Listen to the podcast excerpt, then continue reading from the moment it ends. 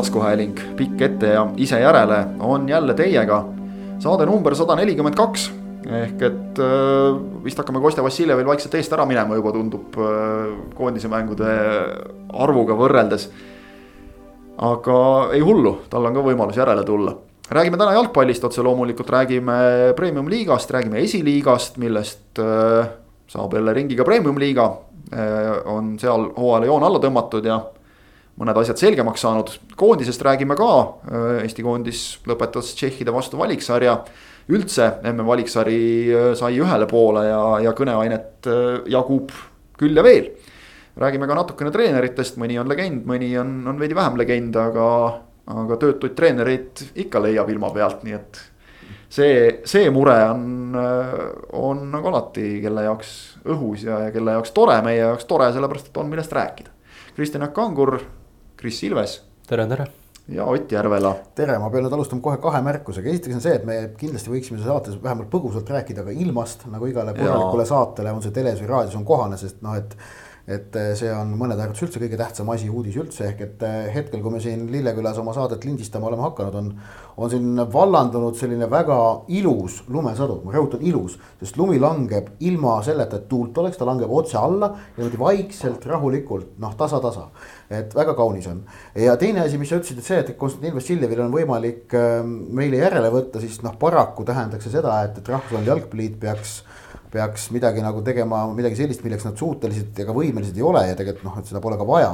ehk et muutma rahvusvahelist kalendrit, kuna Konstantin Vassiljevil ikkagi no kõige parema tahtmise juures on võimalik aastas teenida no, oma koondise mängude arvele juurde noh, niimoodi kaksteist ühikut, noh mingite, mingit pidi äkki joonistaks neliteist või viisteist kokku, kui Eesti Jalgpalliliit mingeid äh, koondisakna väliseid maavõistlusi peaks, aga meie. ma saade... just, just tahtsin pakkuda, et, et äh, üks väike selline Fidži Tonga Vanuatu turnee. jah, aga see annab ka ainult mingi kaks-kolm mängukest juurde, aga samas meie saade sellise metronoomilise järjekindlusega ilmub igal esmaspäeval on ju. me võime ju, me võime ka ju tempot äh maha lüüa ja lihtsalt oodatagi kostjate järgi no. aga seda vist keegi ei taha. see vist ei ole jah plaanis. see ei ole jätkusuutlik jah kahjuks. siis meie saade nüüd äh, metroloomilise järjekindlusega alates eelmisest nädalast on leitav ka kõigile iPhone'i omanikele äh, sellest iPhone'i ähm, äh, podcast'ide rakendust, et otsige ennast sealt otsige meid sealt ka ülesse, kes, kes õunatelefoni kasutab. on, on mugavam ja lihtsam ja puhtam ja kuivam tunne nagu, nagu öeldakse kes ei saanud aru, siis kõneleb õunatelefoni omanik. jah, kes oli. apologeet võib isegi öelda. apologeet suisa jah, kes, kes oli siin täiesti ebavõrdses olukorras, ma ei tea, aastaid. kolm. aastat kolm jah, pea, peaaegu ma vist ütleks, aastat kolm. ära liialda, aga tõesti, me oleme nüüd vist enam-vähem igal pool kättesaadavad ja kuuldavad, kus, kus saab, nii et teil ei ole enam mitte mingeid vabandusi. FM lainepikkust siiski ei ole noh, jah, okei okay,, hea küll, hea küll.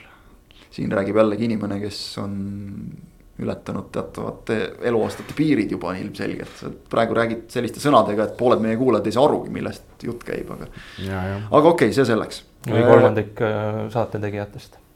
jah, või kolmandik, või kolmandik saate tegijatest. nii äh,, premium liiga. jaa räägime jalgpallist ka ikka natukene. võtame selle talvise lahingu. võtame talvise lahingu ja, ja lahing oli ta tõesti äh, hooaja lõpp. emotsioonid on ülevad, üleval, ülevad on nad ka, aga üleval on nad niikuinii ja, ja pinged on ka üleval natukene, ehk et äh,.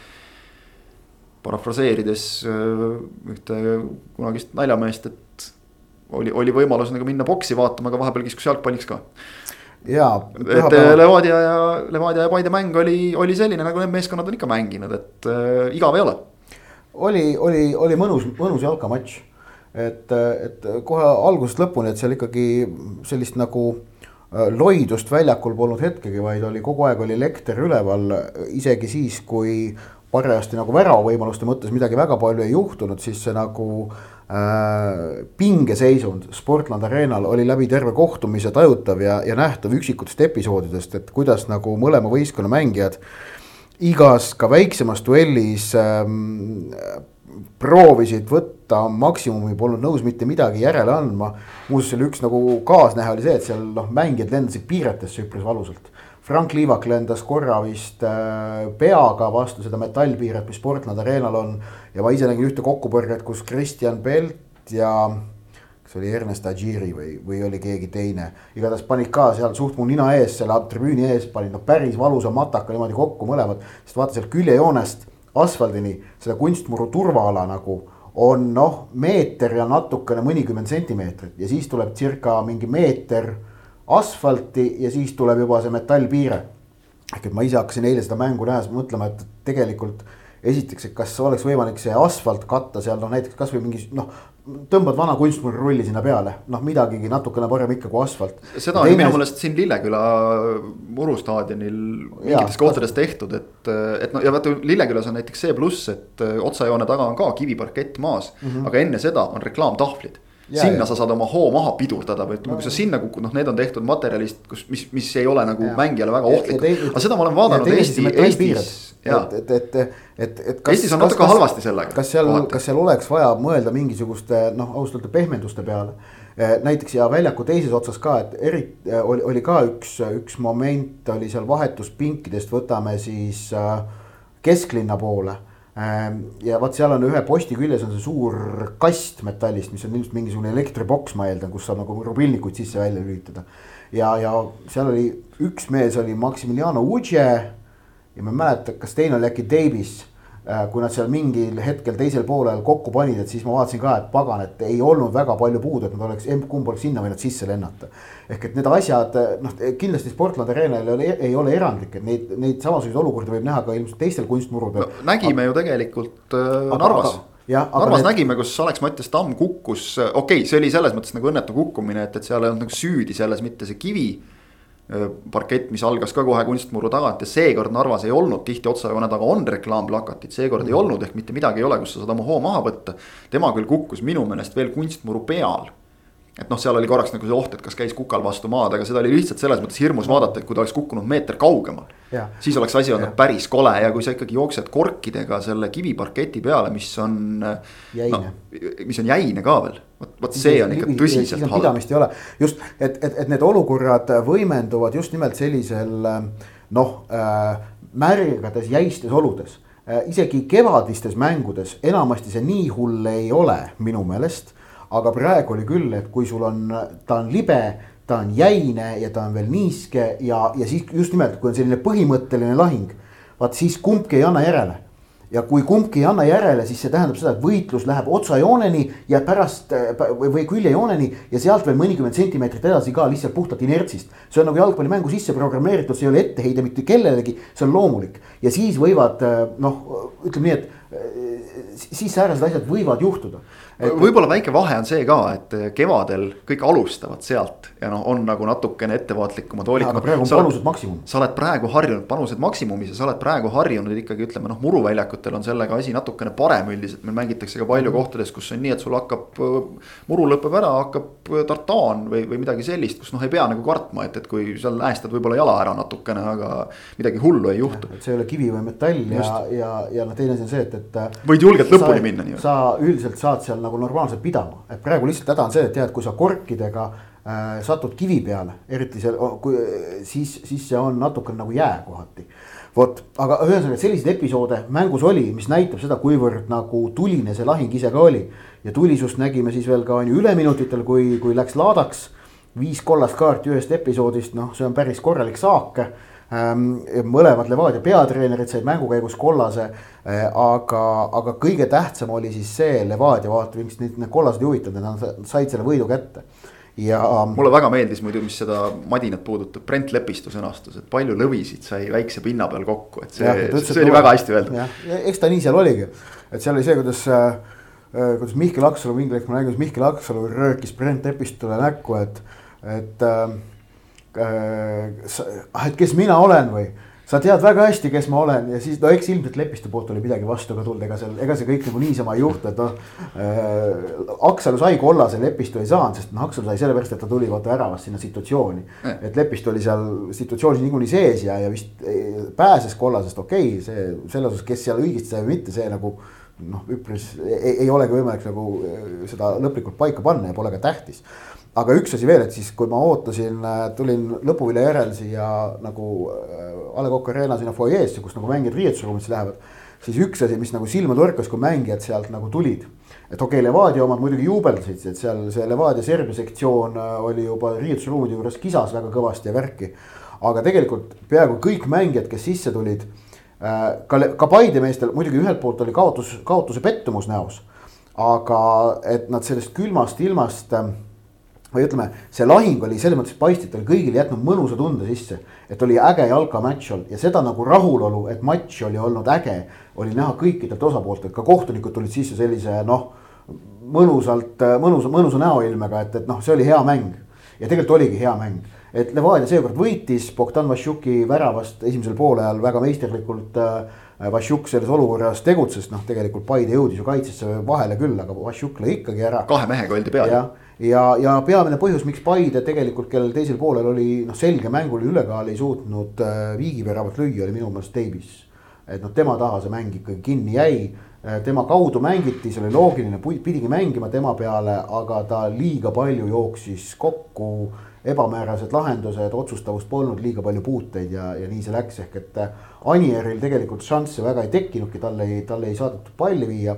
Luts oli, Luts oli selgelt nagu sihikindlam kui Davis, aga, aga ka väravani ei jõudnud. no natukene kõlab minu kõrvale nii, et äh, võtsid kokku Davise mitte selle mängu, vaid selle hooaja äkki isegi. nojah, nii on jah et nii on lihtsalt läinud. eks ta nii olegi jah ja. ja.. et ei ole ennast käima saanud. Aga mulle meeldib see nüüd, mis pärast seda tabeli poolitamist on olnud, et äh, mõlemal tiitlinõudlejal tegelikult sellised väga raskeid mänge äh, või noh, väga lihtsaid mänge ei ole, kõik on sellised äh, rasked mängud, et tuleb, tuleb äh, kõvasti pingutada, et need, et need äh, kolm punkti kätte saada. Paidel tegelikult ju ei ole mitte midagi mängus, aga nad andsid äh, Levadiale korraliku lahingu, Levadia ei saanud lihtsalt neid, äh, neid äh, punkte kätte. Leegion eelmine kord samamoodi, et Levadial tuleb ikka tükk vaeva näha, et, et enne neid otsustavaid mänge Floraga oleks, oleks normaalne edu sees ja, ja samal ajal tuleb Floral ka kõvasti vaeva näha, Leegionist nad said kaks-null jagu, aga noh, seal oli jälle vaidlemisi ka, ka penalti olukordade üle ma kardan küll, et hooaja sellises faasis noh, enamik, enamik penalti olukordi toovadki kaasa mingisuguse. Mingisuguse vaidluse või, või mingisuguse arutelu vähemalt minimaalselt, see on, see on loogiline ja, ja loomulik. samas, kui natuke ettepoole korraks vaatame, siis Levadia saab nüüd jälle rahulikult valmistuda järgmiseks mänguks. samal ajal okei okay,, see tähendab küll Narva sõitmist kui muidu meil siin on see asi väga juba Tallinna keskseks läinud, siis, siis see tähendab Levadiale veel seda ühte pikka sõitu. Flora käis seal ära, tuli võiduga tagasi. Aga Flora mängib neljapäeval Lillekülas partisaniga, Belgradi partisaniga. siiski väga olulise kohtumise, kui see õnnestuks näiteks võita, siis oleks viimase alagrupi mängu eel tõenäoliselt ikkagi mingid šansid olemas. ja siis sinna otsa nädalavahetusel peavad nemad mängima omakorda Paidega, nii et tegelikult Levadiale see, see võit Paide üle oli ülitähtis. Arvestades seda, et, et need kaks omavahelist viimast mängu, noh, tegelikult me kogu aeg nagu loodame, et enne see, et, et, et viimase mängu eel oleks kõik veel lahtine. ja ei, seda aga, muidugi. aga kui, kui Levadia oleks, ütleme, kui, kui, kui Flora kaotab nüüd näiteks Paide vastu punkte, siis mm -hmm. see tõmbab sealt juba oluliselt Äh, alla pinget. et, et Flora, Floral, ei, Flora elu on keeruline. kui Flora kaotab Paidele punkte, eeldusel, et nad ei kaota Paidele, vaid teevad viigi, siis tegelikult ei muutu mitte midagi ikkagi on Flora vaja viimasest kahest mängust Levadiaga võita. ehk muutunud oleks midagi siis, kui Levadia oleks eile äh, Paide vastu teinud viigi või kaotanud. Äh, sel juhul oleks punktivahe muutunud, kui punktivahe on kolm või alla selle enne omavahelisi siis piisab Florale viigist ja võidust. see oleks jah muutnud punkt... selles mõttes dünaamikat nagu jah. jah ja., kui punkti vahe on neli, viis või kuus, ei ole mitte mingit vahet, Flora peab mõlemad mängud võitma, et meistriks tulla. seda küll. selles mõttes, et jah, et, et Flora võib endale Paide vastu lubada viiki ja mitte midagi ei muutu. Äh, samas siis noh, et midagi muutuks juhul, variant üks. Äh, Levadia võidab ja Flora kaotab, siis on Levadia meister. või variant kaks, kui Levadia äh, kaotab Transile punkte ja Flora võidab Paidet. sel juhul on jällegi Floral viimasest kahest mängust vaja võitu ja viiki, mitte kahte võitu. Ja jällegi, kui me räägime Levadia ja Transi mängust, ärme unustame seda, et äh, Transil on äh, võrreldes selle Flora mänguga neli välismaalast läinud viimases mängus olid juba platsil noored mehed pingist rääkimata, seal olid kahe tuhande viienda aasta, aasta poisid, aga noh Kaljuga tegid null-null. Kaljuga tegid null-null ja noh, see, see ongi nüüd küsimus, et mäng oli kole. aga, aga, aga, aga ongi, ongi nüüd küsimus, et, et kas see näitas, et Trans on ikkagi nii palju hea. Noored poisid saavad jälle tõestada ennast, et noh, ega Levadial kerge ei ole niikuinii, aga Fama staadionil sügisel mängida ei ole lihtne mitte kunagi. ei no kõik need sügisesed mängud on väga palju ikkagi eelkõige panevad proovile on ju võistkondade tahtelisi omadusi ja, ja tahtelist kvaliteeti Äh, Levadia minu jaoks näitas eilses mängus ennast uuest küljest, ma hakkasin, hakkasin vaatama, palju nad on sel hooajal üks-null võite saanud, saanud. ja vist pidin aprilli minema, kui eurosarjas äkki ühe said, ei karikafinaal ju okei okay,, oli üks-null. Ja tegelikult oligi vist viimane üks-null oligi karikafinaali üks-null. Äh, ja siis enne seda vist vaatasin, oli äkki aprillis oli ka äkki Nõmme Kaljut vist üks-null võideti.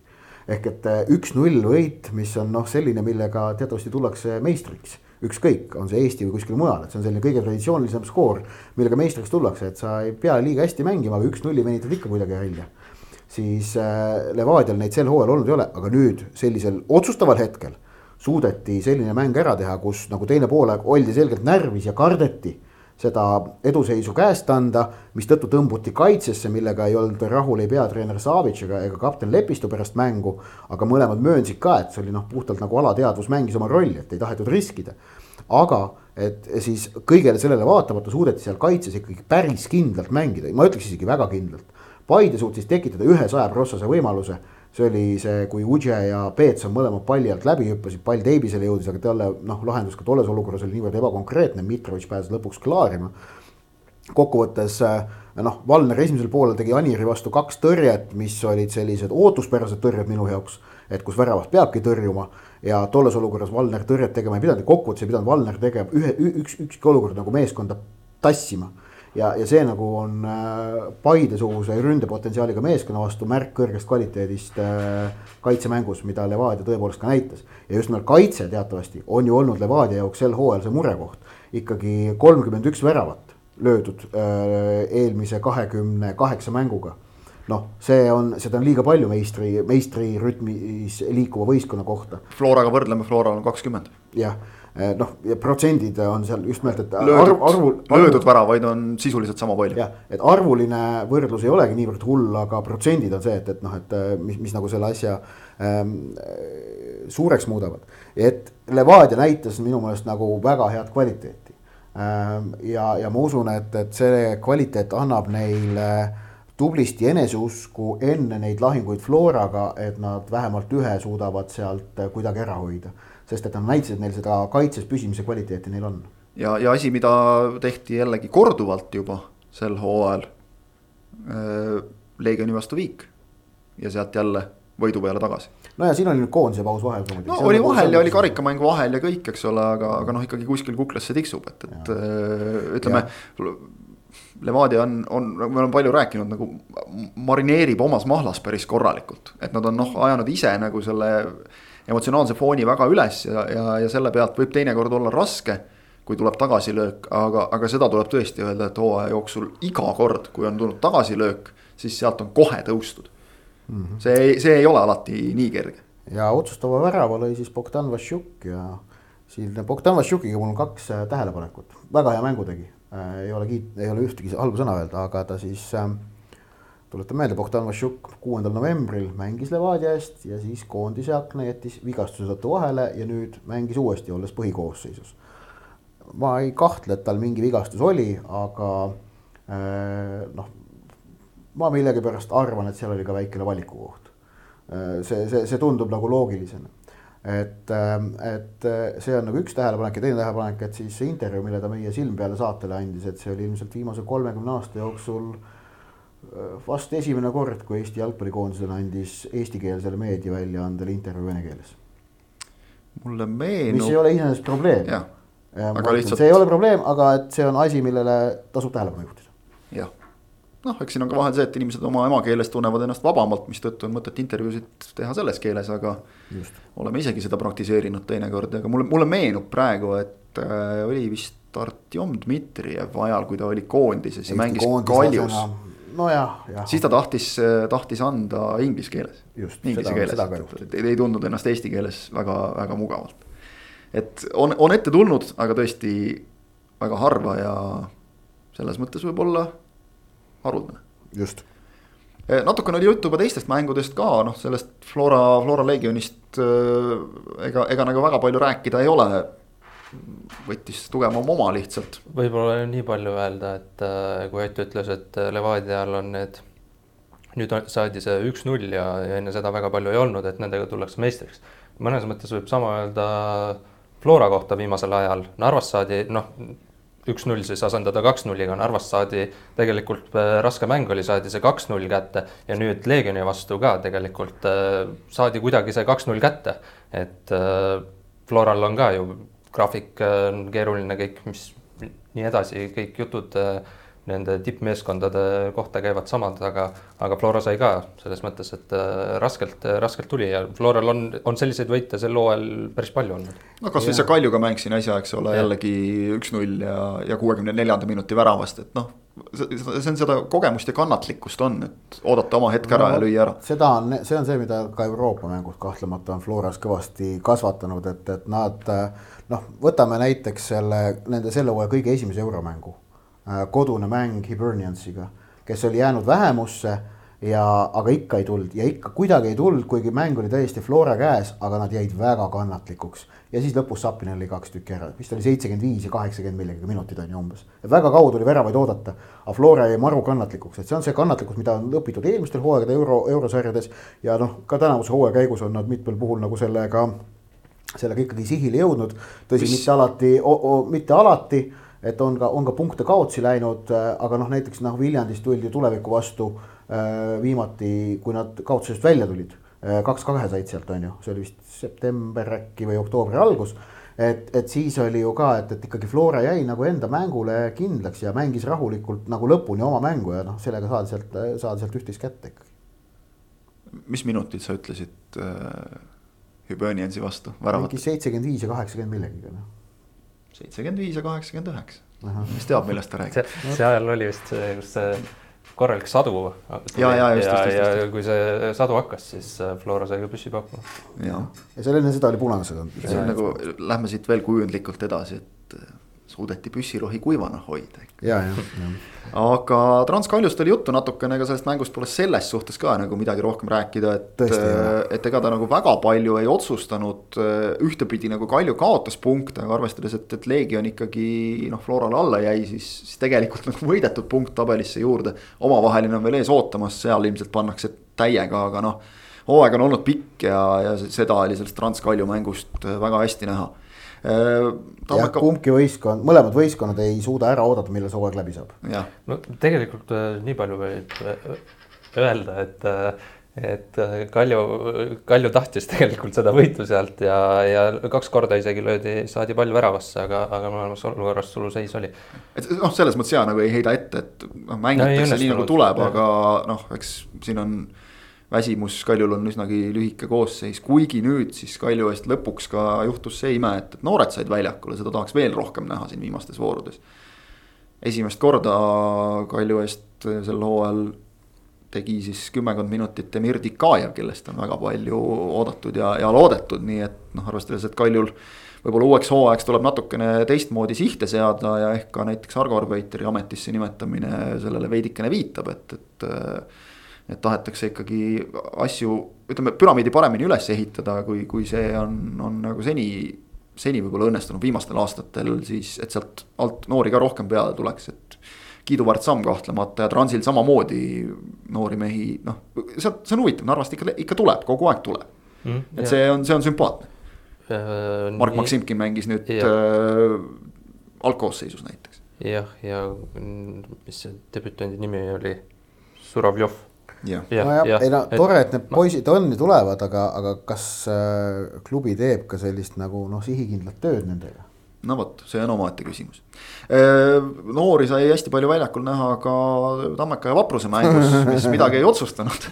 seal no võis nagu eeldada, et Dmitri Skalašnikovs läheb äkki äh, selle peale välja, et mehed, kellel olid kollased kaardid all ehk nagu mängukeeld ähvardas. Ja, ja, ja, ja, ja võib-olla mõned mehed, kellel mingi väike trauma segas, et, et noh, need äkki saavad puhata.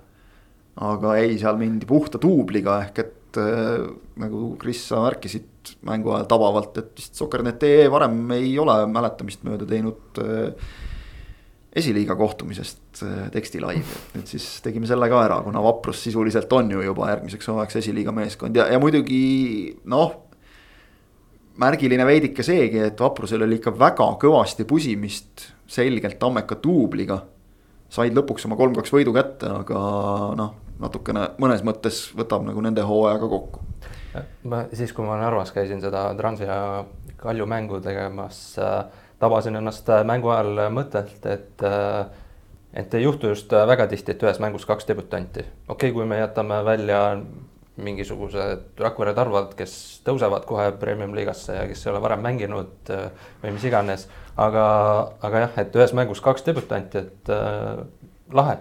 Ja, ja siis kohe tuleb järgmine päev selline mäng, kus, kas Tammekal oli seitse debütanti või, said premium-liigas no Tammekal vist peaks nüüd puusalt pakun hooaja lõikes olema kõige rohkem mehi, kes on premium-liigas vähemalt mõne minuti mängida saanud, sest et see koosseis, mis seal Vapruse vastu mängis.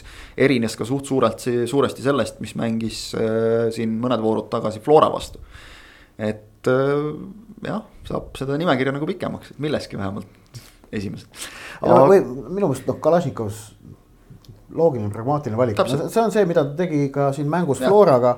ja, ja tal ongi vaja selliseid otsuseid teha jah. Need, tehakse... need, need ei paista välja ilusad, aga tal on ükskõik, tal, tema töö on Tammeka kõrgliigas hoida, ta tegutseb ainult seda silmas pidades, muu teda ei huvita. eelmine kord, kui ta seda, seda tegi äh,. toimis, toimis, lõpuks äh, sai, sai järgmises mängus tulemuse kätte ja nüüd, nüüd saame teada, kas see, see, mis ta nüüd äh, pühapäeval tegi, kas see toimib, saame, nagu- saame nagu, esimeses üleminekumängus teada. jah, siin on nagu selliseid huvitavaid seisukohti olnud, et, et kas nagu äkki kuidagi vaimselt võtab meestel masti maha, ma ei tea, noh, kui see nagu vaimselt masti maha võtab enne üleminekumänge, kus klubi saatus on kaalul, siis.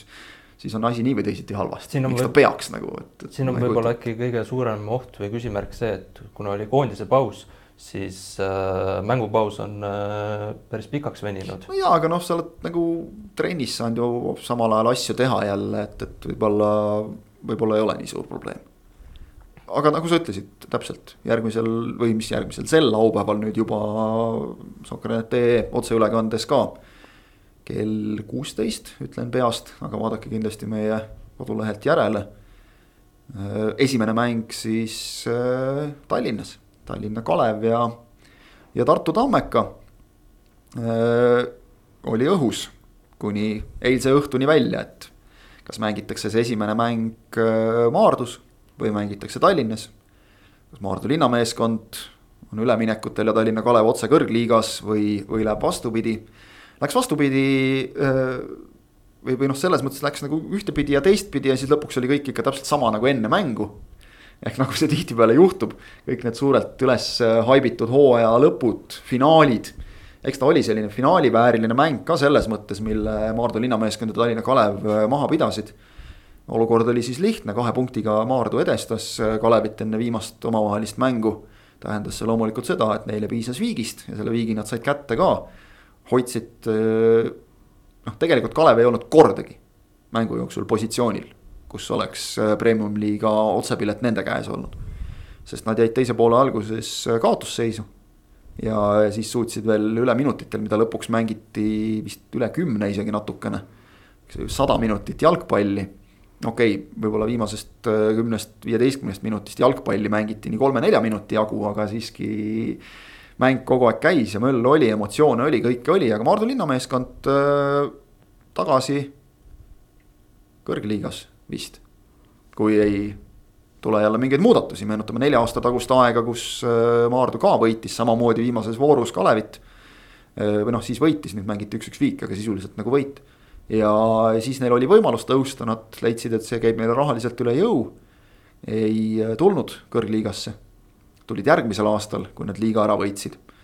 aga seekord noh, küsisin abitreenerilt Mark Kolgilt, küsisin äh, Dmitri Kruglovilt ja ikkagi nagu selge arusaam tundus, et arvestame ka seda, et nüüd kõrgliigas on äh, palju rohkem kaalul. rahalises plaanis ka klubi jaoks, siis sellest enam keegi ilmselt niisama loobuma ei hakka no jaa, aga kas nagu Maardu täidab nõuded kõrgliigasse tuua? vot see on nüüd suur küsimus. et, et. tuletan meelde, et noh, Kihlveo üks juhtum on jätkuvalt menetluses ja ma väga loodan, et äh, Maardu linnameeskonna suhtes Eesti Jalgpalliliidu litsentsikomisjon rakendab kõige rangemaid, absoluutselt kõige rangemaid äh, nõudeid igas asjas ja aetakse punktuaalselt näpuga järge. sellepärast, et äh, see juhtum, mis Maarduga Kihlvi asjus on, on juhtunud, see on väga suur punane rätik ja kui klubi ei täida kõiki nõudeid viimseni punktuaalselt, siis neid ei tohi kõrgliigasse lubada see no, oleks vastutustundetu. jah, et neid klubisid on meil teisigi, kellel noh, ütleme siin on vaadatud mingitele asjadele natukene läbi sõrmede, aga. Aga jah, see taustsüsteem probleemil ja probleemil on vahe. taustsüsteem on teine täpselt. kui sul on nagu raamatupidamises mingi jama, siis see on üldiselt võimalik ära klaarida sellega, et sa palkad endale raamatupidaja äh, aga kui sul on, kui sul, kui sul on jama sellega, et sul mängijad petavad väljakul, siis seda raamatupidajaga ära ei klaari jah, ilmselt ei klaari tõesti. noh äh, noh, jäin mõtlema nagu lihtsalt seda, et kui siin on probleem, et vahel on meistriliiga klubil peab olema ju ka toimiv naiskond. et vahel on piltlikult öeldes isegi nemad on suudetud palgata ehk võtta mingi klubi nii-öelda üle ja, ja tegutseda, aga jah, see on teine asi natukene. et äh, tõesti vaevalt, et jalgpalliliit nüüd tühja koha pealt äh, sae, sae käima tõmbas nii-öelda. okei okay,, kui sa mainid naiskonnad, siis noh, naiskondade osas ma arvan, et oleks äh, noh. Noh, sellest me rääkisime Ol... siin ühes eelmises saates, et, et aga, mida teised no, suured Eesti klubid mõtlevad. tuleb seal ka konkreetseks minna, okei okay,, kaks tuhat kakskümmend kaks, kui, kui ei ole naiskonda, trahv, kakskümmend kolm naiskonda ei ole miinuspunktid, lihtne. konkreetselt niimoodi ja trahv ikka selline, nagu. trahv ikka selline, et oleks tunda, mitte mingi üks-kaks miinimumpalka sada eurot trahv, noh, see hea trahv. just, et, et noh, et e, ega, ega mingeid asju ennem ei saa korda, kui niimoodi konkreetselt ei tehta selgeks. Sest et vaata, miks sääraste asjade peale nagu ressurssi klubi sees ei jagata, tingimata mitte sellepärast, et seda ei oleks. vaid põhjus see, et seda on mugavam panna kuskile mujale. ja, ja noh, jah Maardu-sugusele klubile oleks see trahv võib-olla isegi suurem kui need miinuspunktid. no jaa, aga noh, Maardu puhul me ei räägi praegu naiskonna küsimusest, vaid, vaid sellest äh, teisest küsimusest, mis tal litsentsi täitmiseks tuleb täita. Aga... iseenesest kahju, sest noh, Maardus äh, oli nagu vaeva nähtud, et teha see mäng tõesti ka sündmuseks. Äh, seal, seal noh, nagu sa saad aru, et kohalikele ka ikkagi see klubi läheb korda ja noh, kõige kurvem ongi siis, kui sedasama klubi mängijad ütleme otse ikkagi sülitavad nagu sellele oma, oma käitumisega, et eh, noh, näis, see, see uurimine, nagu Ott ütles, käib ja. ja loomulikult kedagi me ei hakka siin enne tõendite kinnitamist süüdi mõistma, aga, aga selliseid uurimisi ka ei täi-, käivitata tühja koha pealt, nii et. ma ei tea, peab Maardust uurima ka, kuidas see nende enda see sisejuurdlus läheb, see, selle nad panid, panid ju ka käima, et et äkki tuleb sealt siis midagi välja. kõige kurvem ongi see, et äh, kui kui lõpuks jõutakse mingisugusele otsusele, mis ei, ei peaks lubama Maardut kõrgliigasse, siis, siis kannatavad tegelikult ka need, kes ilmselt mitte milleski süüdi ei ole, alustades äh, mängijatest äh,, ilmselt äh, klubi juhtkonnast, ilmselt ja eelkõige toetajad ja, ja fännid. no ja neist ka, kes nagu vaatavad äh, põnevat mängu ja, ja elavad kaasa ja, ja siis selgub, et sisuliselt oleks võinud selle asemel midagi targemat teha, et tegelikult see nagu ei, ei tähendanud suurt midagi. aga Maardu üle on selles mõttes hea meel, et nad said äh, mänguliselt äh, said selle esiliiga võidu kätte, samas Kalevi suhtes on väga-väga-väga äh, kahju, sellepärast et äh, oli neil sel hooajal ainult üks kaotus liigas ja. ja, ja jäigi üks kaotus. ja, ja jääd teiseks jah, üks kaotus, kusjuures äh, Maardu vastu jäädi plussi, kaks viiki, kaks võitu. aga noh, see, see on liigasüsteem ja, ja oleme ausad, seda viimast mängu vaadates. seal sai äh, kuuekümnenda minuti paiku Klimenti pool tõrjev teise kollase kaardi. Esimese seejuures võttis endale suupruukimise eest, mis on alati mõistlikult võetud kollane kaart. teise sai noh, selge vea eest, võttis karistusalasse murdnud Murat Velijevi kätega maha ja, ja eemaldati. ja Kalev ei suutnud sisuliselt, nad said nelikümmend minutit mängida, kui üleminutid juurde panna, mängida arvulises ülekaalus. Nad ei suutnudki tegelikult Ilja Kossjantšuki väga palju tõrjetele sundida, lõpus noh, nagu tihti juhtub, suditi pall kuidagi väravalt võrku. nõuti väga palju igasuguseid asju, vigu, käega mängu, mida kõike, aga Kalev läks sirgjooneliseks, viidi pikk keskkaitsja Kaspar Laur ette. see oli iseenesest nagu ühtepidi loogiline samm, et ta võidab seal palle, lükkab teistele ette, teised löövad ära. aga Kalevi mängust ikkagi viimase pooltunni jooksul kadus teatav loogika. kas kammitses neid noh, nagu mingi teatav hirm? sest noh, Kalevil tegelikult oleks ka ikkagi väga vaja kõrgliiga kohta, see on selge, siis sa saad tõmmata ligi rohkem toetajaid. noh, sul on raha rohkem, sul on kõike rohkem. publikut ka võib-olla, ehk et see, kui küsida nagu, et kelle taha jäi noh, Kalevi enda mängu taha, paraku, vähemalt viimase mängu pealt tuleb öelda ja ärme unustame seda. Kalev sai eelviimases septembrikuises omavahelises mängus nii-öelda ohjad enda kätte. see on seesama mäng siis, kust äh, kerkis see kihlveopettuse süüdistus. pärast seda Maardu võitis kuus mängu järjest. ja nüüd siis lõppu tegi seitsmendas viigi. Äh, samal ajal Kalev kaotas kaks korda punkte Nõmme Unitedile, neli punkti läksid sinna, oleks need neli punkti ära võetud, oleks olnud enne viimast vooru seis selge. juba hoopis teine. kõik selge olnud, aga, aga jah, et Kalevil kõrgliigasse tee on ju tegelikult ikkagi reaalne, ainult siis nad peavad Tammeka võitma. sest et kui nad üleminekumängu ei võida, oletame, et Maardu jääb litsentsita, siis äh, aga kui Kalev üleminekumängu ei võida, siis neist eespool on ikkagi Pärnu vaprus kõrgliiga koha äh, selles edetabelis. et, et, et, et see on nagu, see on nagu, see on nagu keeruline. ja, et vaprusel on veel selles mõttes võimalus pääseda. jah, aga kui siis äh, Kalev võidab Tammekat üleminekumängus ja Maardu ei saa litsentsi, siis on Tammeka kõige esimene, kes selles edetabelis on ja Vaprus on teine. see on selline seis. et Tammeka lõpetas meistrivõistlused üheksanda kohaga. kas me, kas Kalevil on Tammeka vastu võimalust? ei oska öelda. ma, ma olen Kalevit liiga vähe näinud, et aga, aga noh, tähendab noh, vaadates nagu seda, et mis nagu on Tammeka kvaliteet, siis noh, tegelikult on see, see duell peaks olema Tammeka kaotada seda võib vist küll kindlalt öelda, et väga raske on nagu võrrelda, üks mängib ühes liigas, teine mängib teises liigas, aga, aga. no mängijate kvaliteedis peaks ikka vahe sees. peaks olema, et mulle tundub, et sa just sõnastasid väga hästi ära, et, et see on nagu Tammeka kaotada puhtalt ja noh, otse loomulikult nagu jalgpall ikka. Neid olukordi ette keerutab meile, et äh, kes selle Kalevi ees läheb kõrgliiga ust kinni lööma, peatreenerina loomulikult Dmitri Skalašnikov. kes äh, peaaegu suutis neid jätta kõrgliigasse püsima Kalevi juhendajana, aga siiski ainult peaaegu. aga samas saab natukene teise nurga alt vaadata, et Kalašnikovs äh, eelmisel hooajal saatis Kalevi esiliigasse ja nüüd jätab esiliigasse võib-olla.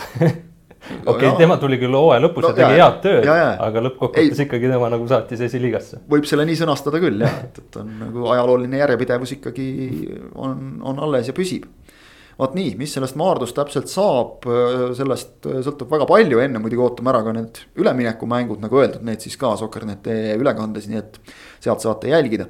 aga läheme edasi oma jutuga selle koduse liiga jalgpalli juurest Eesti koondise juurde. Eesti mängis Tšehhiga MM-valiksarja viimase kohtumise. Läks ta noh, enam-vähem nii, nagu vist ju arvata võis, et ta läheb, et ega ta kummaltki poolt ei olnud mingisugune üleliia särav mäng, ka tšehhide poolt mitte, seal juba kohati kodupublik ka vaata, et. undas natukene nende peale, päris välja ei vilistatud, aga. aga lõid nad ära oma, oma võimalused, Eesti teine poolaeg polnud suurem asi, leebelt öeldes. ja, ja nii ta läks, tugevam võttis oma. nojah, ei olnud nüüd suurem asi, aga no mingi asi ta ikkagi oli, ehk et noh no näiteks kaheksakümne kolmandal minutil Sergei Zenjov oli üks-üks väravale päris, päris lähedal. Toomas Vatšik pidi ikkagi väga korraliku tõrje seal tegema. see oli ikka maailmaklassis tõrje jah. jah, et, et selles mõttes nagu noh, ei olnud, ei olnud jällegi kaugel stsenaarium, et Eesti oleks sellest mängust midagi saanud, noh, kaks-null värav tuli ikkagi olukorras, kus selgelt Eesti juba riskis, Joonas Tamm noh eksis tolles olukorras, aga riskides sellised eksimused on, on ikkagi altimad juhtuma ja noh, see nagu. Mõttes ma nagu seda ühte eksimust ei dramatiseeriks üle, vaid ütleks, noh, see on, ikka võib juhtuda, kui, kui riske võtad ja tolles hetkel pidi riske võtma. Ehm, nii et, ehm, nii et ma, ma ei näeks seda olukorda teab mis nukrates toonides, et see mäng oli noh, korralik mäng tehti, aga, aga vastane oli tugevam, et noh, me mängisime EM-i veerandfinalistiga võõrsil, et polnud kõige hullem. kokkuvõttes sama, mida me rääkisime sinuga eelmises podcast'is äh, pärast äh, seda Belgia mängu, et kui, kui sa ise avaldasid nagu veidike hirmu enne neid kahte mängu, et, et kas nüüd nagu seda väga head emotsiooni noh, mingite pakkidega ära ei lõhuta. ei no, lõhutud. ei lõhutud ei läinud kõige hullemini, selline kolm miinus aken, ütleme, või ma ei tea, kolm pluss äkki isegi. rahuldav, et, et noh, näha oli ka mängijate hoiak ja, ja retoorika nende mängude noh, ajal e, ja järel oli ikkagi selline asjalik ja töine. Et seal ei olnud mingit sellist noh, kuidas öelda, tunnet näha, et, et nad oleksid nagu iseendale pettumuse valmistanud, vaid, vaid, vaid noh tajuti realistlikult, mis, mis, milles õnnestuti, milles jäädi selgelt puudu, mida on edaspidi vaja paremini teha see, ma arvan, on igati normaalne seis, et, et noh, et, et, et. Karol Mets võttis ju pressikonverentsil väga hästi kokku ja need olid öeldud kuidagi siira, täie veendumusega need sõnad, et mina usun sellesse projekti.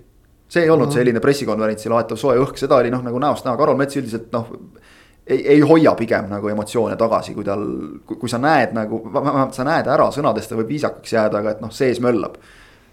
oli pigem rahulik, ütles, et okei okay,, kaotasime täna, aga et noh, töö läheb edasi, umbes sisuliselt on nagu hoiak olnud see, et tegelikult see töö alles algab mm. -hmm. minu meelest see, see on olnud nagu koondislaste hoiak, et, et ei ole nii, et, et noh, tuli uus treener, tegi tulemused paremaks, nüüd on kõik nagu enam-vähem jälle. Vaid tahetakse enamat ja, ja saadakse aru, et, et vundament on olemas, nüüd saab selle peale ehitada.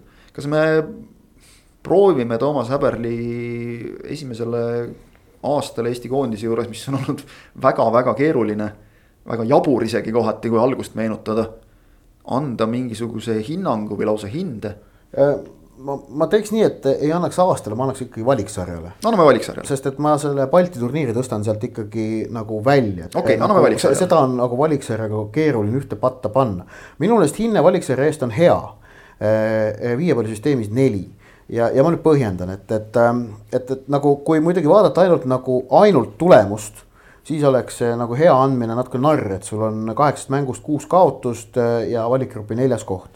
Aga, aga kui me nagu niimoodi läheneksime, siis tegelikult oleks jalgpallist rääkimine väga igav, et meie podcast'id ei kestaks mitte tund ja rohkem, vaid oleksid iga kord sellised viieteistminutilised sutsakad kuhu tegelikult äh, tuleme kokku, anname teada, et näe, Levadia võitis Paidet ja noh, kokkuvõttes Levadia mängis hästi ja Paide mängis halvemini ja see mäng lõppes üks-null ja liigume edasi. ja, ja niimoodi lähekski, et tuleb ikkagi minna nendesse nüanssidesse ja, ja erinevatesse noh, asjaoludesse natukene sügavamini sisse, esiteks äh, ei ole võimalik hinnata kaheksat mängu, vaid tuleb hinnata kuute mängu Äh, kevadised kaks mängu, noh, need ei, need ei lähe arvesse. see, kui sa, kui, kui sul kaks päeva enne mängu koosseis langeb isolatsiooni, sa hakkad öösel kutsuma esiliiga B-st endale kaitsjaid, et sul nagu koosseisus midagi oleks. kui sa võtad mehi koondisesse selle järgi, et kes võttis telefoni vastu kell üks öösel ja pluss ärme unustame seda ka, et sa kutsud lihtsalt endise peatreeneri tagasi, et tule aita hädast välja, noh see. et, et see, see, need tähendab esimesed kaks mängu, need, need ei lähe lihtsalt arvesse. ja sealt võeti ära ikkagi kaks väga selget punkti võimalust, üks kodumäng läks sealt kaduma Äh, no okei okay,, kodumäng läks kaduma juba ennem Üllar Lanno tõttu, okei okay., aga ikkagi läks kaotsi ja teine asi läks kaotsi mäng Valgevenega, äh, kes oli selgelt nagu noh, vägagi mängitav Eesti jaoks isegi et, selle koosseisuga ju me tundsime, et see oli nagu võidetav mäng, kui ei oleks tulnud seda lolli punast kaarti. jah, et, et äh, see oli nagu noh, sealt läksid kohe kaks mängu ära ja siis tuleb vaadata ülejäänud kuut mängu järelikult, ülejäänud kuuest mängust äh, Belgiaga, maailma esimesega, oleme ausad, noh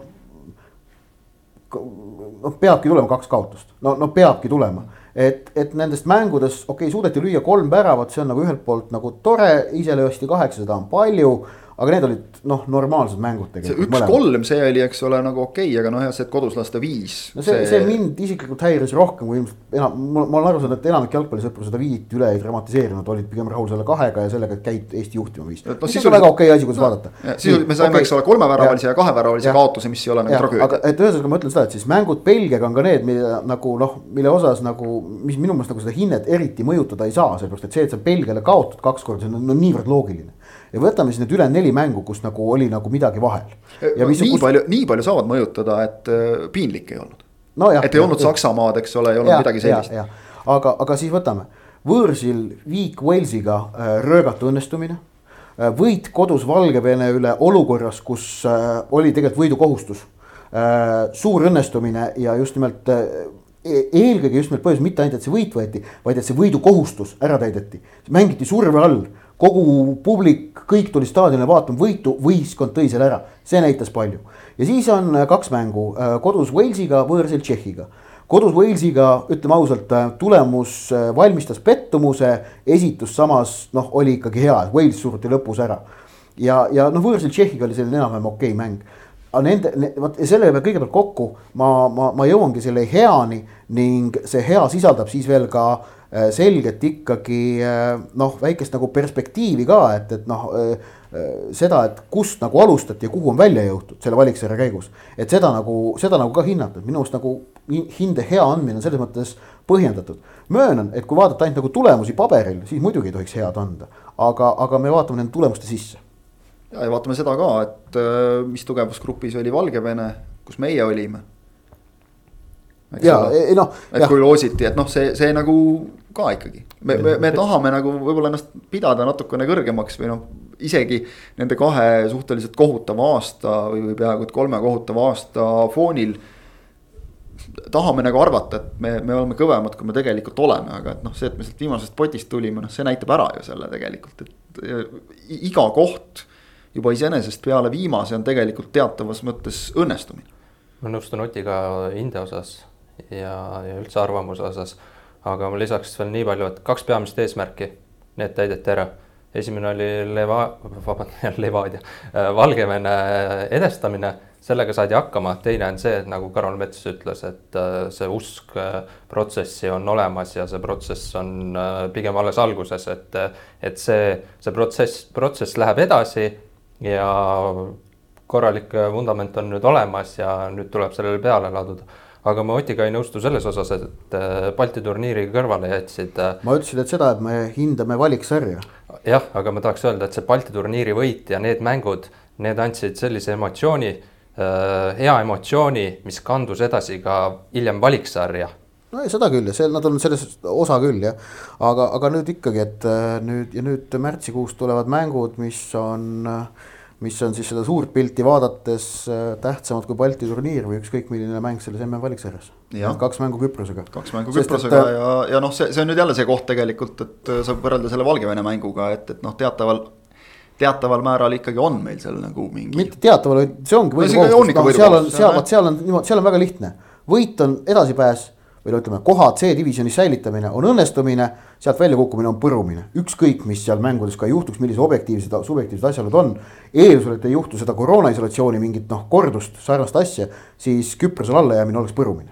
no ja vaatame seda ka natukene, vaatame selle pealt ka lihtsalt natukene, et, et kus meie lõpetasime, Küprosel olid äh, nüüd MM-valiksarjas olid grupis muidugi Horvaatia, Venemaa, Slovakkia, Sloveenia, kes ilmselgelt ongi nagu objektiivselt neist kõvemad võistkonnad ja, ja siis tulid viies-kuues koht Küpros, äh, Malta mõlemal viis punkti. tegelikult no, langeb ei, täpselt, täpselt ma, nagu meie kategooriasse, meie ja Valgevene kategooriasse. Küprosest tugevam objektiivselt võttes ei olegi, suht võrdsed võis-, vastased, aga ikkagi, kui, kui sa C-divisjonist välja kukud võrdse vastasega võideldes, see on noh, põrumine paraku noh. seal on, seal on, seal selle, selle nagu äh, tingimuse seab paika paraku see turniirisüsteem, et, et selles D-divisjonis mängimine viimase seitsme seas koos Lätiga, see oleks piinlik tõesti, see oleks, see oleks piinlikkuse tipp. lätlastega samas, samas divisjonis mängida, kuigi Läti jalgpall on isegi ka hakanud natukene pead tõstma viimasel ajal. ja veel ei tea, mida see Rahvuste Liigas mängimine järgmistele suurturniiridele pääsemine osas tähendab, aga selge on see, et D-divisjonist ei saa kuhugi jah, see on klaar.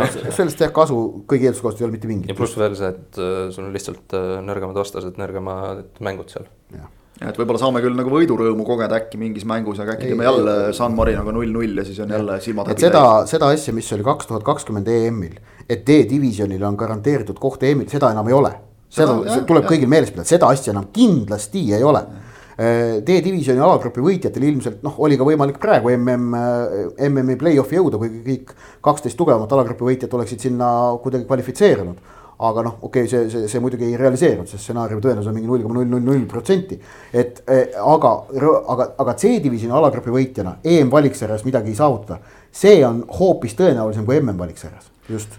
aga samas, äh, kui tagantjärele mõtleme, siis äh, kui D-divisjonist sai finaalturniirile, siis sai kõige õigem võistkond hiljem võib-olla jõuame selle juurde et.... seda küll jah, kindlasti, sellest me vist juba eelmises saates jõudsime Põhja-Makedooniat kiita natukene, aga aga jah, see noh, oli, oli veidikene teistmoodi, ütleme niimoodi. Aga..., tegelikult on see õige, et, et ikkagi sealt nagu noh, see on teiste suhtes veidike ebaõiglane, et, et sealt D-divisjonist keegi ka lihtsalt saab nagu, et ma saan aru, et tahetakse, ma ei tea, kandepinda laiendada ja mis iganes ilusate sõnadega te, te, põhjendada, aga. D-divisjonis saamine oli okei okay siis, kui seal olid äh, kuusteist liiget. nagu see, see, kuidas Põhja-Makedoonia sealt läks, see oli väga okei okay.. aga nüüd enam, kui on seitse, siis muidugi ei tohi. väikestest parim, eks ole, ja noh, siis ta oli jah, nagu normaalne valik. ja ta mängis selle koha ka välja EM-il ja ka järgnevas valiksarjas, mis tõestas, et sellisel puhul selle pääsme andmine oli põhjendatud, aga nüüd enam ei ole. nüüd enam mitte, just ma isiklikult annaksin, olen muidu nõus selle valiksarja hindega, aga annaksin Häberlile ühe asja eest hinde viis. see on väga lihtne asi, usk on tagasi.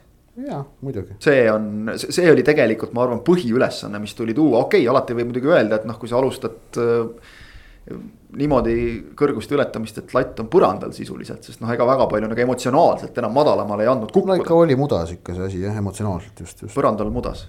no mõlemat jah mõlemat natuke. muda oli põrandal. muda oli põrandal sügisene aeg ka juba selline no., praegu õues käite, siis ongi muda põrandal. valgel rehe talus, ei aga, aga jah, et ja, ja see usk on tagasi seda näitab ka see, et noh, mul paljud nagu sõbrad-tuttavad, kes jalgpalli pidevalt ei jälgi, aeg-ajalt pisteliselt on. sellised hobivaatajad. jah nagu,, on sellise, on mul selle sügise käigus kuskil niimoodi niisama juhuslikult poetanud, kuule aga koondist on nüüd juba nüüd, nüüd jälle ju täitsa tore vaadata, et, et, et ma kohe vahet ei ole, kas nad kaotavad või mitte, aga ei, mulle seda meeskonda mulle ikka meeldib vaadata. ja see on asi, mida vaata vahepeal. see on suur asi. kuskilt ei tulnud, jah. see on suur asi, sest see peab olema, sest noh, see on selge, et, et stabiilselt noh, Eesti-sugune riik nagu järjepidevalt stabiilselt võitma. noh, me, me võime hakata oma unistustes kuskile, aga, aga see on ülimalt ebatõenäoline, võib-olla kunagi kuskil kauges tulevikus jõuame ka selleni, aga, aga et noh, just, just see, et, et et, sa näed, et antakse nii palju, kui anda on endast. ja, ja, ja noh, seda on näha nagu mängijate tegutsemises ka see, see mängulust. see on, see on tagasi, noh ilma selleta ei, ei ole nagu üldse mitte midagi teha, et tegelikult kõige selle juures ju on see sõna mäng see, see peaks endiselt olema, et, et seda, seda suudavad ka maailma tippjalgpallurid endiselt tunda nagu rõõmu mängust lihtsalt et, äh, et kui seda ei ole ja seda vahepeal tõesti nagu ei olnud üldse Eestil, et, et noh, siis, siis pole nagu üldse miskit teha. Ott ütles, et tal äh, tuttavad on, äh, on jalgpalli vastu rohkem huvi välja näidanud, mul on samamoodi tuttavad sõbrad on öelnud, kuule Kris, et lähme vaatame Flora euromängu, Eesti koondise mängu ja, ja sellised inimesed, kes, kes võib-olla muidu jalgpalli nii palju ei jälgi, aga, aga. see kandubki edasi, eks ole. aga no ma sageli pean neile ütlema, et kuule, ma ei saa, ma pean seal, lähen, lähen küll vaatama, aga teen tööd. ma olen tööl tulge, tulge, aga me istume natuke teises kohas kui teie. Eh, rääkisime juba natukene EM-valiksarjast ka, suur, suur asi muidugi, suur teema, isegi ei ole mitte selles niivõrd, kes said MM-finaalturniirile, vaid kes veel ei saanud ja võib-olla ei saagi. ehk värske, ikkagi ütleme värske Euroopa meister Itaalia võib öelda, et mängis maha oma edasipääsu ikka täiega. kaks, neil oli kaks varianti tegelikult, kas võidad kodus Šveitsi või võidad võõrsil Põhja-Iirimaal, noh, okei okay,, tagantjärele teab, et oleks pidanud kahe värava võitma, no see ei tohiks ka mingi. no see ja Euroopa meistrile see nüüd ei tohiks üleliia suur no, ülesanne olla. aga ei saanud kummagagi hakkama, munasid ära ja nüüd on, nüüd on kõvasti närvitsemist, et. et, et ja play-off'is on süsteem siis see, et on kuus asetatud võistkonda, kuus asetamata võistkonda loositakse asetatud vastamisi asetamataga ja siis omakorda kõik kuus paari loositakse omavahel veel korra vastamisi, et saame teada, millistes siis nii-öelda paaride võitjad lähevad vastamisi finaalides, mille võitjad pääsevad MM-ile. ehk et mitte mingit asja, mis takistaks, et sünniks selline nelik, kus ühes poolfinaalis mängib Itaalia kellegiga ja teises Portugal kellegiga, ei ole. ehk et võib vabalt juhtuda, me näeme Itaalia-Portugal matši Itaalia-Portugal võivad sattuda samasse neikusse, võivad omavahel mängida matši selle peale, kes saab MM-ile, oi, see oleks tore. see oleks, see oleks kõva mäng, see oleks aasta üks, üks ägedam. see oleks, see oleks parem mäng kui enamik mänge MM-il. jah, ilmselt küll ilmselt küll jah, tasavägisem ja põnevam ja rohkem staare väljakul ja nii edasi. no eelkõige see, et seal, seal oleks, oleks, vaat seal oleks, seal oleks mängus äh, häbisse jäämine. ja see on teatavasti asi, mis on kõige selline sütitavam asi jalgpallis, et kes ei jäänud häbisse, oli Holland. See oli kõva. kellel oli tegelikult väga suur võimalus jääda. seal ju rebisid äh, Holland, Türgi, Norra kolmekesi äh, ütleme siis nii-öelda pooleteise pileti nimel, et üks sai otse, üks sai play-off'i ja üks jäi üldse ilma ja üldse ilma jäi Norra, kes äh, no sisuliselt ikkagi võib öelda, et kas on siis ühe mehe meeskond, kui ilma Erling Brot Haalandita siin viimased mängud läksid neil kõik untsu tegelikult ja just need olulised omavahelised, noh. kuigi tegelikult öelda nüüd, et, et Norra kaotab kahest hilisest väravast võõrsil Hollandile.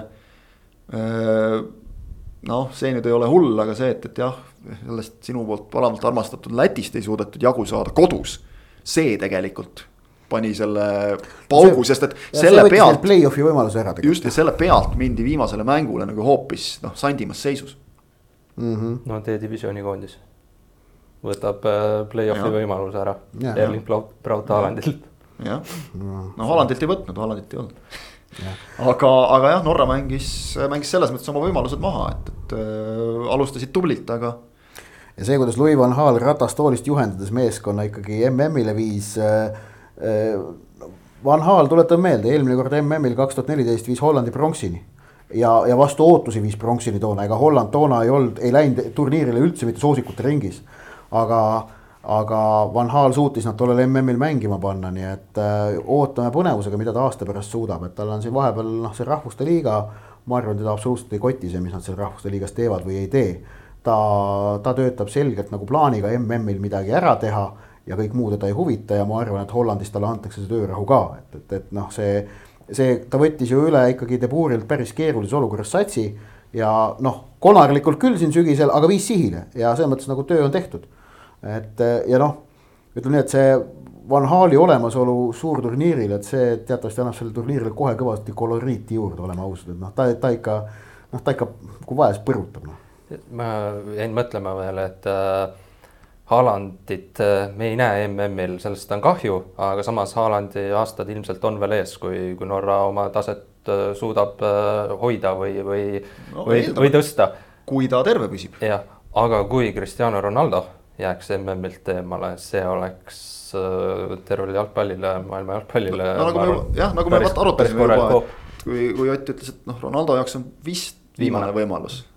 Zlatani jaoks no ilmselt, ilmselt ka ikka ennast Zlatani jaoks ikkagi kindlasti. ma ei, ma jätan selle ühe protsendi ikka, ma ei taha sinuga nõus olla, ma jätan selle Zlatani ühe protsendi, et neljakümne nelja aastane vanamees läheb ja paneb veel ühe, ühe suurturniiri, aga okei okay,, see selleks.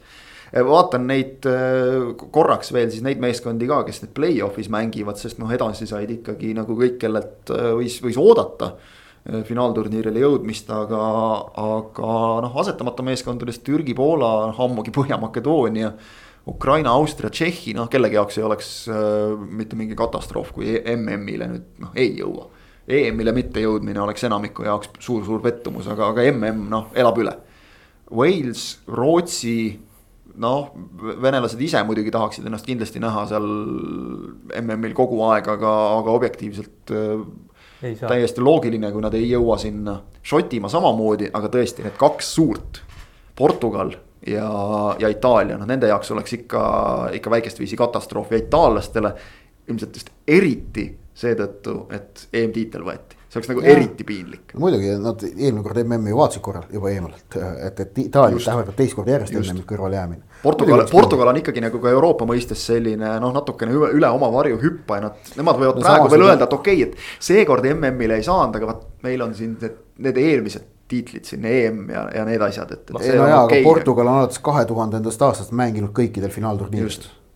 see, seal ei ole nagu midagi häbeneda, kui mõnikord vahele jääb, et, et noh. ei, no ma just, on... ma just väidan, et neil on, et nad, nad, nende jaoks no. on normaalsus, et nad finaalturniiri. okei okay,, ühtepidi normaalsus, aga, aga ikkagi noh, sa ei saa neid Itaaliaga nagu samale pulgale panna, et no,, et eeldada, nad ise tahaksid kindlasti olla. Jah, seda küll. siin nüüd läheb ilmselt natukene vastuollu see, et, et kuidas ennast ise nähakse ja kuidas teised kõrvalt näevad, aga noh, Itaalia jaoks oleks, oleks see ikkagi katastroof, just ma... seetõttu, et ei ole lähiajaloos esimene kord. ma arvan, kolmas meeskond, kelle jaoks kas just katastroof, aga aga ka pigem põrumine on, on Rootsi selles seltskonnas, et mm. arvestades, kuidas nad viimasel ajal tegelikult on ju, on ju mänginud ja. ka eh, EM-il mängiti väga hästi. et pigem. Rootsi, pigem Rootsi kui Venemaa. Mina ikka loodan ainult ühte, noh mul kokkuvõttes on mul ikkagi üks suur lootus selle play-off'iga seoses. Venemaa ikka tappa saaks. aimasin, et see jutt sinna tüürib meenutades meie eelmist saadet, kus sa juba sama kirglikult väljendasid. mulle ikka meeldib, kui Venemaa tappa saab. olgu siis see veel mainitud, et Venemaa ei saa Ukrainaga kokku minna, kuigi üks on asetatud, teine asetamata. see, see on jah ainukene. see on ainus selline, selline paar seal, ülejäänud võivad kõik kokku saada. aga kui enne mõtlesime, et äkki tuleb äh, Itaalia ja Portugal, see nii-öelda finaal, kumb äh, saab äh, MM-ile. teine huvitav paar oleks veel äh, Itaalia-Rootsi, sest Rootsi eelmine kord ju ja. Itaalia välja jättis. Rootsi on ka asetatud. finaalis, finaalis ainult kokku minna ja ma just vaatan, et, et see, see oleks finaal just ja oleks ja. vägev nagu. oleks küll jah, ja mõlemad, nii poolfinaal kui finaal on siis ühest mängust ja, ja poolfinaal on asetatud võistkonna kodus ja finaal on see loositakse. Neutraalsel väljakul ei ole. Itaalias mängiv Zlatan lööb Rootsi võiduvärava näiteks. mõnuga. staadion Olympicul. jah, näiteks mõnuga see oleks, oleks. see oleks selline jalgpallifolkloor. see oleks midagi sellist nagu Diego Maradona tuhande üheksasaja üheksakümnenda aasta MM-il Itaalia vastu poolfinaalis Naapolis. just. oli vist Naapolis poolfinaal ja vist oli küll. võis olla küll, peast ei ütle, aga kõlab, kõlab loogiliselt. ma ei mäleta, kas ta värav lõi seal või see jäi null-null ja tuli siis penalt, penaltitega Argentiina võitis, aga, aga kas see läks äh,, kas normaalajal väravaid löödi või mitte, ma ei mäletagi täpselt, aga jah eks ta oli ah, ammu ka. võib-olla üks mees mäletab, kui siin räägime emme valikmängudest, siis loomulikult jah, Euroopas saadi ühele poole sellega nüüd vähemalt mingi ajani, aga, aga mujal käib see asi ikkagi täiega edasi veel ja, ja Lõuna-Ameerikas samamoodi. Ott tahab ilmselt rääkida oma isiklikust väikesest tragöödiast ei, mis tragöödia, aga lihtsalt see on, see, see on minu meelest nagu märgilise olgu öeldud jah, et Argentiina-Itaalia normaalaeg jäi üks-üks ja penaltitega Argentiina võitis, Maradona väravat üle, Claudio Canigi lõi. Ehm, aga, aga noh, see on märgiline sündmus, et Oscar Tabares äh, Uruguay peatreeneri ametist äh, vabastati. et ikkagi viisteist aastat rahvuskoondisest äh, juhtinud mees, kes oli siis hetkel ametis olevatest rahvuskoondiste peatreeneritest kõige kauem ametis olnud mees. et Joachim Lööv oli muidu see, see nii-öelda tõrvikuhoidja aga kui tema äh, tagasi astus, siis, äh, siis sai selleks Tavares. ja, aga no Uruguay seis on kehv olnud ja, ja praegu ohustab neid MM-ilt väljajäämine, et selles mõttes nagu äh, tähtis, noh, arusaadav otsus Uruguay jalgpalliliidu poolt. aga noh, kes on nagu Oscar Tabarese kohta, soovitan lugeda natukene, mul on keeruline siin ümber rääkida, aga no need lood, kuidas on, on kirjutatud tema fenomeni kohta palju, et noh, et tuleta meelde, noh, tippsaavutused oli siis Uruguay Äh, poolfinaali viimine kaks tuhat kümme MM-il ja, ja Copa Ameerika võitmine kaks tuhat üksteist. Äh, aga, aga noh, ta on hoidnud Uruguay'd maailma tipus kogu selle oma ametiaja jooksul. iga kord MM-il vähemalt alagrupist edasi. Äh, Copa Ameerikal noh, nagu öeldud, võit, et, et selles mõttes nagu hiilgav töö, aga üks asi on see, mis ta on teinud koondisega, aga Oscar Tabaresil on Uruguay jalgpallis ka noh, väga oluline roll olnud sellele, et, et Uruguay jalgpall on suutnud taastoota pidevalt nagu ikkagi tippmängijaid. Et ka see filosoofia, mida ta on Uruguay jalgpalliliidus sealsesse noortetöösse on tema juhtimisel sisse nagu juurutatud. ka selles on tal väga oluline roll, ehk et tema hüüdnimi või noh, on El Maestro, õpetaja, et see on nagu peegeldab asju täpselt ja, ja hoida Uruguay'd sellisel tasemel, noh. kolm pool miljonit elanikku. äkki võrdlekski nagu selles mõttes, ma ei tea, kas on õiglane võrrelda nagu Euroopa jalgpalli kontekstis Portugaliga veidikene no Portugaliga on natukene hõlpsam seda teha, sest. suur no,, aga mitte nii suur. nojah, aga no, no tegelikult ütleme loogiliselt võttes Lõuna-Ameerikas noh. Tšiilil, Kolumbial on mõlemal ainelist ressurssi kindlasti rohkem, kui seda on Uruguayl. Et noh, ülejäänud äh, riikidega ilmselt jah, et noh, Venezuela, Peruu, Paraguay, Ecuador, nendega peaks nagu suutma, suutma ja Boliivia peaks suutma mängida. et aga noh, Brasiilia, Argentiina on nagu noh, selgelt kaks suuremat. aga noh, tegelikult Tšiili ja Kolumbia on Uruguayst ju noh, neil on rohkem elanikke, neil on rohkem muud ainelist ressurssi peaks nagu olema. aga Uruguay on suutnud tegelikult äh, ikkagi suht järjekindlalt neist nagu eespool olla, tõsi, Tšiili võitis ka siin Copa Ameerikat kaks tükki jah. Ja noh, võtame just selle järgi, et, et sealt saab, eks ole, neli tükki otse MM-ile mm. -hmm. et siis see, kui sinna nelikusse kogu aeg sisse murda ja mitte mängida, okei okay,, Uruguay on ka mänginud neid seal Okeaania ja kellega, kellega iganes ja sealt ikkagi edasi. kümme MM-il mängiti jah et aga, aga, aga nad on seal ikkagi kogu aeg sees olnud. just aga nad on tegelikult ju ka praegu neil ei ole midagi otseselt väga katastroofilist. Läinud ei ole ja no.. üks punkt on, on kolmanda kohaga vahe. seal on väga-väga tihe on see asi praegu seal, seal Lõuna-Ameerikas, väga põnev on lõpplahendus, et jah, Brasiilia, Argentiina on oma ära teinud. aga, aga nende selja taga käib ikka väga väga kõva madin ja. neljanda seal... kohaga siis vahe, Ecuador on kindlalt kolmandal kohal. jah, Ecuador on kolmas, aga, aga sealt jah, ütleme, et neljas-viies ja noh, sealt edasi seal, seal käib kõva kangutamine veel, nii et, et seda on, on kindlasti põnev jälgida ja, ja mujal. Mujal tsoonides samamoodi, Aafrikas siis palju reklaamitud Kameruni ja elevandiluuranniku koondise duell lõppes Kameruni võiduga ehk siis elevante me ei näe MM-il sedapuhku, oleme ka nagu juba ära harjunud, et nemad ikka sinna saavad no nii ja naa jah. Äh, no kuidagi on nagu see, vähemalt selline tunne, et, et, et nende koht nagu peaks olema seal, aga arvestades, et Aafrikast ikkagi ainult viis koondist jõuab, siis. siis see, see on noh.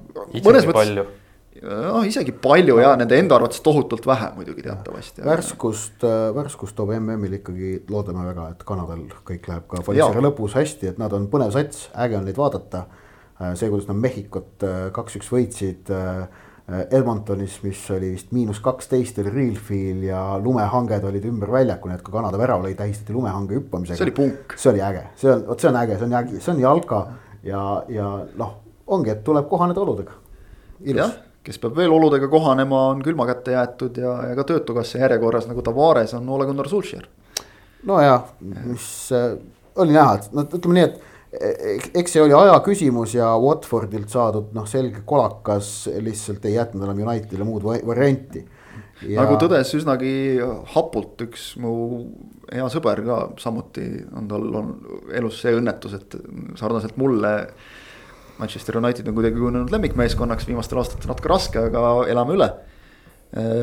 tõdes, et on mõnevõrra sümboolne, et viimased peotäied mulda nagu viskas Sulsherile järele just nimelt Harry Maguire, kes on kuidagi kujunenud nagu selle Unitedi viimaste aegade valede otsuste teatavaks sümboliks. Ehk mm -hmm. siis tema punane kaart oli see, mis, mis, mis lõplikult nagu tappis Unitedi ja ülimalt loll punane kaart, kui hakkas risti väljakut ise triblama, kaotas palli, võttis teise kollase ja, ja saadeti minema aga jah, nagu sa ütlesid, see oli, oli õhus juba tükk aega, aga nüüd ongi see, et, et isegi nagu õigel ajal osatud treenerit lahti lasta, et kui siin.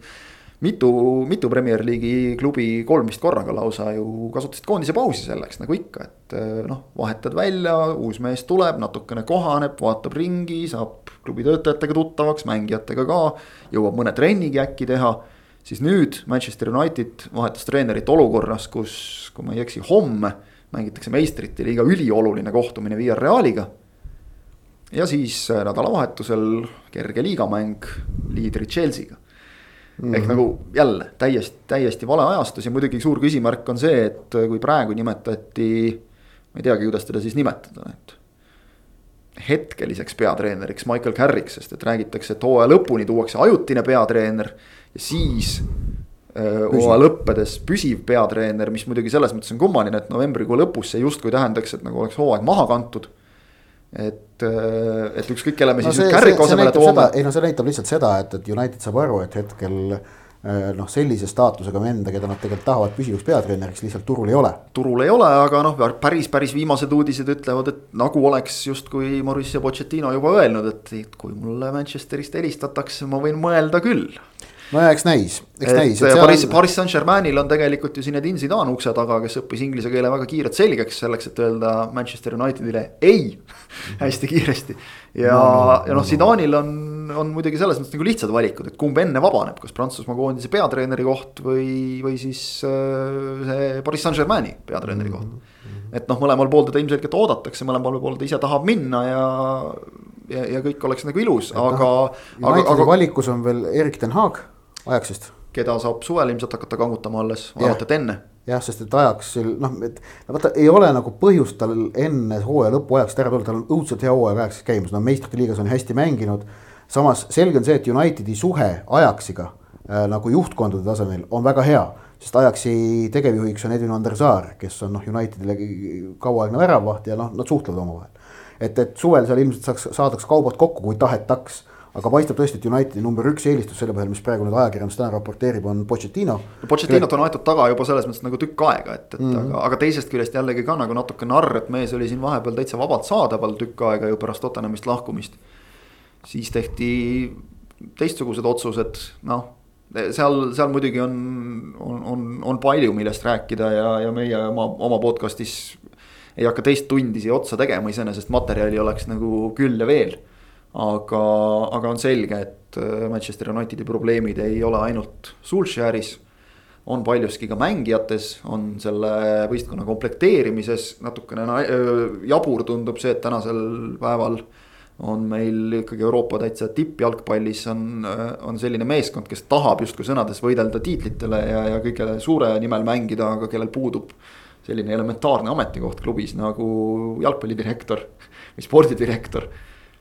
Ja, ja noh, juhtkonna tasandil on, on küsimärke ikkagi väga palju, nii et kas, kas see meeskond jah, on üldse nagu päris sajaprotsendiliselt peatreeneri soovide järgi komplekteeritud Äh, kuidas on, on komplekteeritud, ütleme ka juhtkond tegelikult. ja, ja kui palju on nüüd kasu sellest, et, äh, et, et treenerite tiimist see pea läheb minema, aga, aga ülejäänud jäävad alles. ehk siis Michael Carrick, kes oli seni abitreener, võtab üle, noh näis, kui kauaks ja kes siis tuleb tema asemele, aga, aga ütleme nii, et, et äh, ega see Sulseri lahkumine nüüd liiga palju küsimärke just ei, ei kustutanud ja viimased teated nüüd hetkel, kui me lindistame, Inglismaalt räägivad seda, et ikkagi paistab, et Pochettino ikkagi väga tahab juba kohe nüüd, mitte alles suvel. BSG-st Man Unitedisse tulla, sellepärast et, et äh, Inglismaa ajakirjandus raporteerib, et kogu see nagu müra, mis täna on tekkinud Pochettino ümber. et mitte midagi sellest ei ole tõukunud Inglismaalt, vaid selle kõik on äh, õhku lasknud ja paisanud äh, Pochettino leer või siis tema ümber tiirlevad või noh, kuskilt sealtpoolt on kogu see nagu spekulatsioonid tulnud, mis põhimõtteliselt noh, paistab nagu viitavad sellele, Pochettino ütleb, et äh, tulge, kutsuge äh,, kui BSG nõusse saate, mina olen nõus.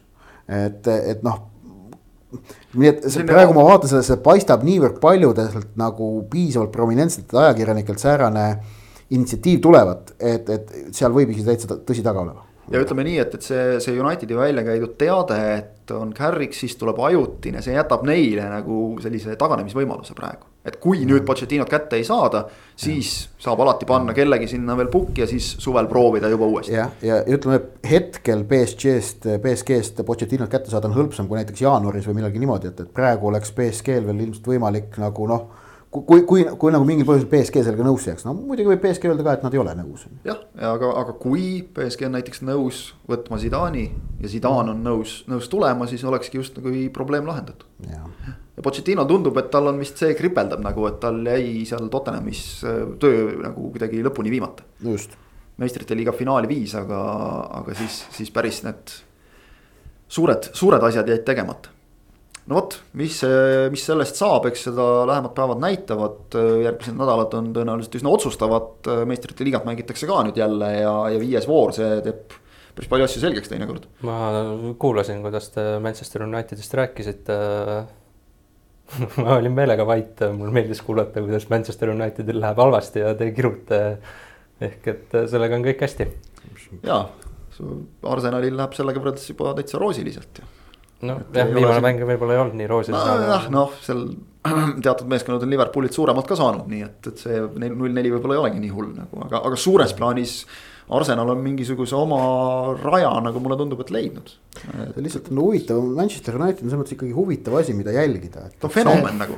Nad on, ei noh, see, kuidas nad on äh,, kuidas nad on äh, noh, noh sattunud äh, või no mis sattunud, ennast ise mässinud sellesse umbsõlme, millest nad proovivad nüüd juba kahe, üheksandat hooaega tegelikult välja rabeleda ennast. See on nagu kirjeldab väga tabavalt ju kaasaegse tippklubi jalgpalli iseloomu, kus äh, Äh, eriti siis, kui tegemist on äriettevõttega nagu Manchester United on, et noh, näiteks Chelsea puhul või Manchester City puhul sellist äriettevõtte nüanssi ju ei ole. seda loogikat ei ole. seal ei ole klubi omanikel soovi saada kasumit, erinevalt Manchester Unitedi omadest. mis tähendab, et, et United on olnud kogu aeg nüüd sunnitud tegutsema äh, moel, kus kõige tähtsam on äriline tulemus ja sportlik tulemus on, tuleb selle järel. ja, ja see on nagu, see, on nagu noh hästi, hästi lihtsalt sõnadesse pannes, kui ühtedel klubidel on omanikud, kes tahavad feimi. siis Manchester Unitedi omad tahavad sulli. just. See vist, see võib-olla iseloomustab kõige paremini. kuidas, kuidas selle juures, et, et ja, ja kuidas selle juures ikkagi saavutada ka sportlik edu ähm,. noh ja kusjuures Unitedil nagu rahaliste vahendite taha tegelikult mitte midagi ei jää. vaatamata sellele, et klubi omanikud võtavad sealt kasumit välja, siis United on ilmselt, ilmselt endiselt Inglismaa kõige rikkam jalgpalliklubi. äri poolelt on asjad väga hästi, aga ütleme, seal on ka see, et, et kõige selle taga on ikkagi, et kuidas mõeldakse ka sellele, kuidas, kuidas midagi võita. Ikkagi, kuidas saavutada feimi mis pöörata sulliks. jah, jah, jah, jah. et see, see loogika on hoopis teine ja, võrreldes ja, teiste klubidega. ja see, selle loogika tingimustes toimetamine on asi, äh, mis, mis nagu on pärssinud äh, noh, selgelt on pärssinud sportlikku poolt ja lihtsalt kogu seda protsessi on väga huvitav jälgida, sellepärast nagu Manchester Unitedist mitte ainult meie, vaid igal pool maailmas ka niivõrd palju räägitakse ja kirjutatakse, et nende see protsess on väga huvitav, mis seal juhtub on see, läheb seal halvasti või läheb seal hästi, aga see on, see on väga-väga huvitav, kuidas sellises asjas nagu asjad tulevad. sest seal on nagu selliseid prognoosimatuid äh, muutujaid on nagu mõnevõrra rohkem selles võrrandis sees kui muude tippklubide puhul. BSG, Chelsea, Manchester City on väga palju sirgjoonelisemad mudelid Müncheni Bayern on selles mõttes väga, väga lihtne, et seal on kõik nagu sportliku edu taha raudne majanduslik loogika rakendatud, kõik toimib. noh, Barca Real on, on üle oma võimete elamise musternäidised, mis nüüd, mis nüüd selles mõttes noh, proovivad selle uue reaalsusega kohaneda. üks vist esialgu saab veidikene paremini hakkama kui teine aga jah, et, et, et see nagu muudabki Unitedi huvitavaks praegu ja see, ja see on ka põhjus, miks tegelikult Unitedist on läbi terve, mitte ainult Cristiano Ronaldo aga, aga tegelikult eh, just nimelt ka kogu see teistsugune protsess on põhjus, miks tegelikult Ronaldo Unitedisse minek on läbi terve selle sügise tekitanud selle fooni, kus Unitedist on kõige rohkem kirjutatud, räägitud, jutustatud.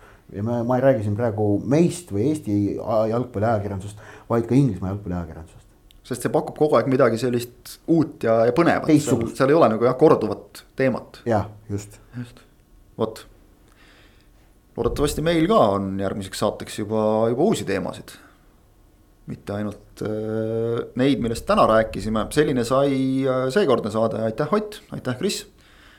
tõmbame siit joone alla ja ega muud, nädala pärast oleme jälle teiega, kuulake meid äh, igalt poolt, nagu öeldud. ka siis, kui teil on õun. jah. aitäh ja kuulmiseni